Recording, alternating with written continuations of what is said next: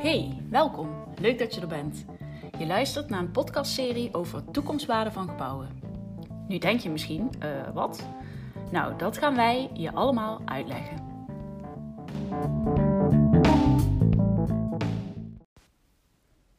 In deze eerste aflevering hebben we het over wat wij nou eigenlijk verstaan onder toekomstwaarde van gebouwen en waarom het zo'n interessant en relevant thema is. Vandaag ben ik in gesprek met Marleen Hermans. Marleen is hoogleraar publiek opdrachtgeverschap in de bouw aan de Technische Universiteit Delft en managing partner bij Brink. Marleen, kun jij mij vertellen wat jij onder toekomstwaarde van gebouwen verstaat? Hi Finn, ja, ehm, dat kan ik zeker. Ik ehm, wil je eigenlijk, om dat duidelijk te maken, even meenemen in een uh, gedachte-experiment.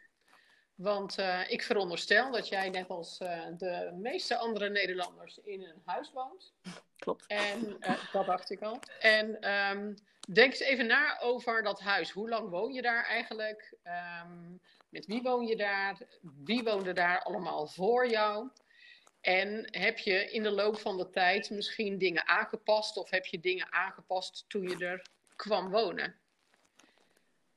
Denk ook eens na over de toekomst. Als je jezelf ziet over een jaar of tien, um, is er dan, zouden er dan redenen kunnen zijn om te verhuizen? En uh, waar zou dat dan door komen dat je zou willen gaan uh, verhuizen? En als je je woning te koop zou zetten, wie zouden er dan graag in jouw huis willen wonen in de toekomst? Wat maakt dan eigenlijk of jouw huis goed of minder goed uh, in de markt ligt? Um, nou, waarschijnlijk komen er in jouw hoofd ideeën op over de wijze waarop je je huis gebruikt. Misschien wat jouw voorgangers die in dat huis woonden met dat huis gedaan. Op het moment dat je je nieuwe huis inliep van dacht, hoe kwamen ze op het idee om dat op die manier te doen? En misschien zijn er ook wel dingen die jij zelf hebt aangepast, die juist weer voor toekomstige gebruikers beter of juist minder goed zijn, omdat ze heel goed bij jou passen, maar misschien niet op iemand anders. De conclusie van uh, dit uh, gedachte-experiment is: uh, als je na, nadenkt over de toekomstwaarde van vastgoed of van gebouwen, dan gaat het in hele hoge mate over in welke mate is dat gebouw, die woning, dat kantoor, die school eigenlijk geschikt voor toekomstig gebruik. En de mate waarin uh, iets in staat is om ook in de toekomst dat gebruiken te faciliteren, dat bepaalt dus ook uh, de toekomstwaarde van een, uh, van een gebouw. En waarom is dat van belang? Ja, er zit gewoon heel veel geld in onze gebouwen. Dus hoe beter we ze aan laten sluiten op de toekomst, ja, eigenlijk hoe duurzamer we ook bezig zijn. Nou, daar gaat het traject toekomstwaarde over. Maar uh, als ik het dan uh, goed begrijp, uh, ook na dit gedachte-experiment, is toekomstwaarde van gebouwen het zorgen dat een gebouw in gebruik is en blijft. aan waarde heeft voor de huidige gebruikers, maar juist ook voor de toekomstige gebruikers. Ja, dat is precies wat ik, wat ik bedoel. Oké. Okay. Um, en waarom is, is dit thema toekomstwaarde nou zo'n belangrijk thema? Nou, om allerlei redenen. Um, niet in de laatste plaats natuurlijk omdat er, zoals ik al zei, ontzettend veel geld zit in onze gebouwde omgeving. Dus het is goed om die goed uit te nutten. Uh, dat zien we ook in de toenemende aandacht voor duurzaamheid en circulariteit. Hè. Daar speelt de gebouwde omgeving echt een uh, belangrijke uh, rol in. En daarin zie je dat we een behoorlijke aanslag doen op materialen en op energiegebruik met onze gebouwen. Nou, elke keer dat we uh, drastisch moeten ingrijpen om een gebouw in gebruik te houden, uh, verkwanselen we eigenlijk uh, materialen. En daarnaast hebben we, zeker uit de vorige crisis, je zou de huidige aankomende crisis ook nog kunnen noemen, maar in de vorige crisis hebben we gezien dat leegstand niet alleen slecht is voor de eigenaren van gebouwen, maar ook een enorme negatieve impact heeft op onze leefomgeving. Het is simpelweg minder aangenaam wonen, werken in een omgeving met veel leegstand. Dus we hebben er ook maatschappelijk belang bij dat uh, gebouwen in gebruik blijven. Nou, de laatste reden, um, de tijd staat niet stil. Dus we weten dat we uh, veranderen, we weten dat de technologie verandert, we weten dat onze behoeften veranderen. Dus de behoefte die wij zelf hebben aan het laten meebewegen van onze gebouwen, van ons vastgoed op uh, die veranderende behoeften, is een andere cruciale reden waarom het aandacht besteden aan toekomstwaarde op dit moment uh, belangrijk is. Ja, en over die uh, veranderende behoeften gesproken. eigenlijk is daarmee ook toekomstwaarde nu heel relevant in deze coronacrisis. Als ik dan even naar mezelf kijk, herken ik ook wel dat uh, ik nu thuis hele andere eisen stel aan de ruimtes die ik heb. Dus waar ik in de eetkamer eerst alleen at, uh, ga ik nu het gesprek uh, met mijn vriend aan wie hier mag beeld bellen. Um, dus in theorie is dat thuiswerken heel fijn, maar in de praktijk vraagt dat ook wel wat anders van, mijn, van mijn huis. En nou ja, dan heb ik het nu alleen over mijn huis, maar dat is dan niet alleen bij wonen relevant, maar juist ook bij het werken en kantoren. En dat zal ook blijvend effect hebben. Ehm, en nu is dat natuurlijk een extreem voorbeeld uh, dat ik nu noem. Maar dat geldt natuurlijk ook uh, in mindere mate voor al die uh, andere situaties waarin eisen veranderen. Ja, zeker is dat zo. Dus ik denk inderdaad dat je terecht opmerkt dat de corona even een uitroepteken zet achter het belang om goed te kijken naar die mogelijkheden van gebouwen om mee te bewegen. En daar gaan we ook nog veel mee te schaften hebben de komende tijd, denk ik. Ja, ja, nog een ander element wat ik graag even met je zou willen bespreken. Dat is eigenlijk niet alleen de, de, het kijken naar kunnen gebouwen nou meebewegen. En uh, de duurzaamheidsimpact uh, uh, die ik eigenlijk al noemde als een belangrijke element. Maar we hebben natuurlijk ook nog mm -hmm. de factor geld. Dus we kunnen natuurlijk oneindig flexibele gebouwen maken. Um, en dan liefst ook nog zo duurzaam mogelijk. Maar um, het is natuurlijk ook zo dat um, echt duurzaam en uh, financieel uh, rendabel die gebouwen zijn, die opties bieden die we dan ook in de toekomst daadwerkelijk uh, gaan gebruiken.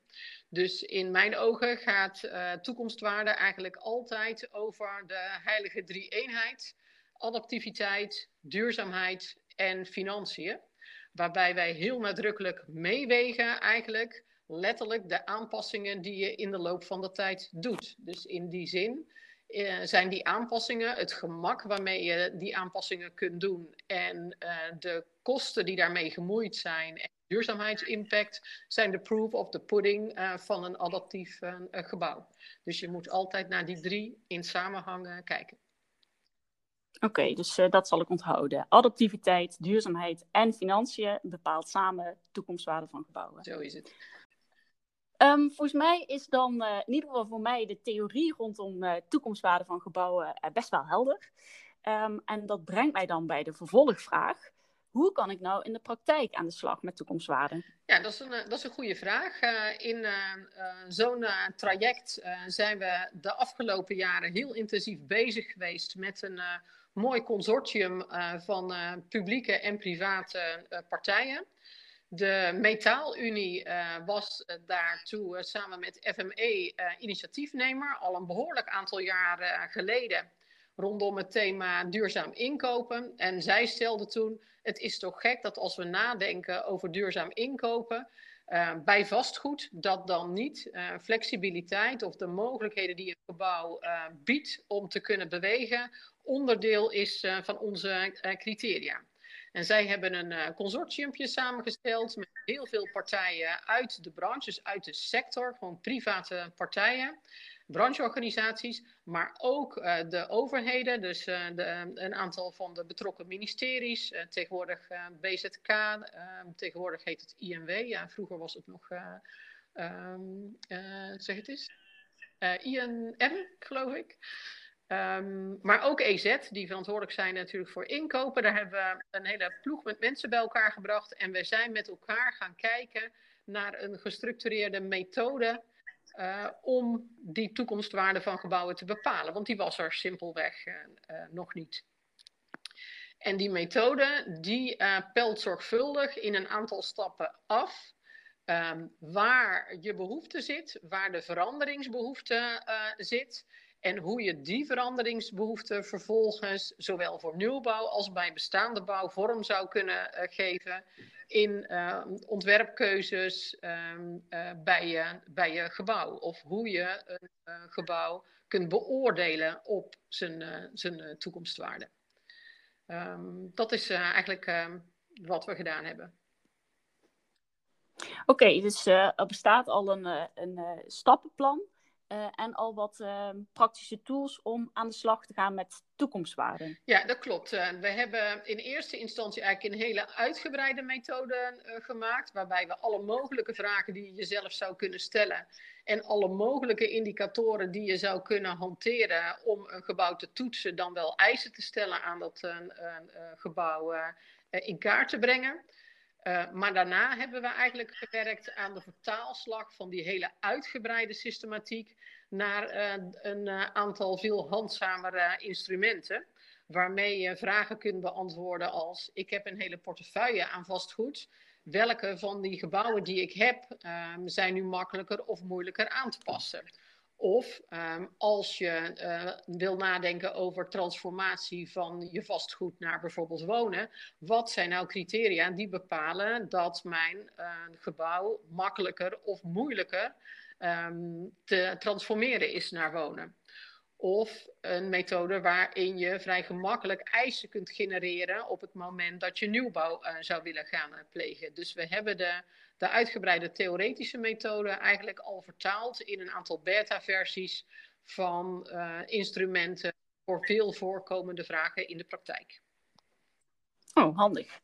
Um, en kan ik die uh, instrumenten nu al gebruiken? Of uh, hoe ver zijn die nu?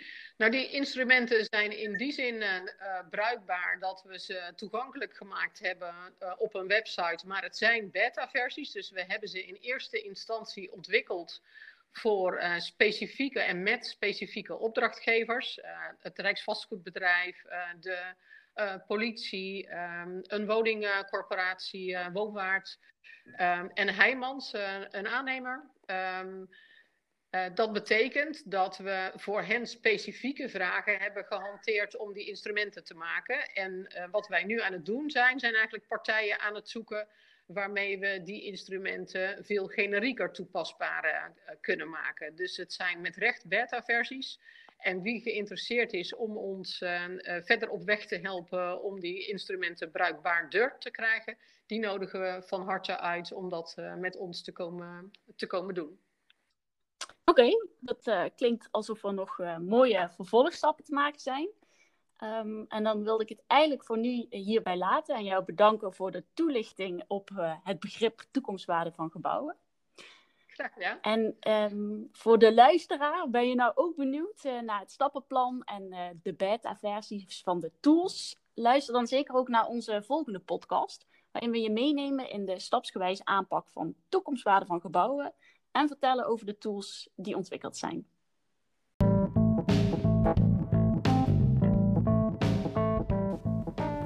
We hopen dat je na deze aflevering net zo enthousiast bent over dit thema als wij. Mocht je nou nog meer te weten willen komen over toekomstwaarde, bezoek dan zeker ook onze website toekomstwaardevastgoed.nl. Bedankt voor het luisteren en tot de volgende keer.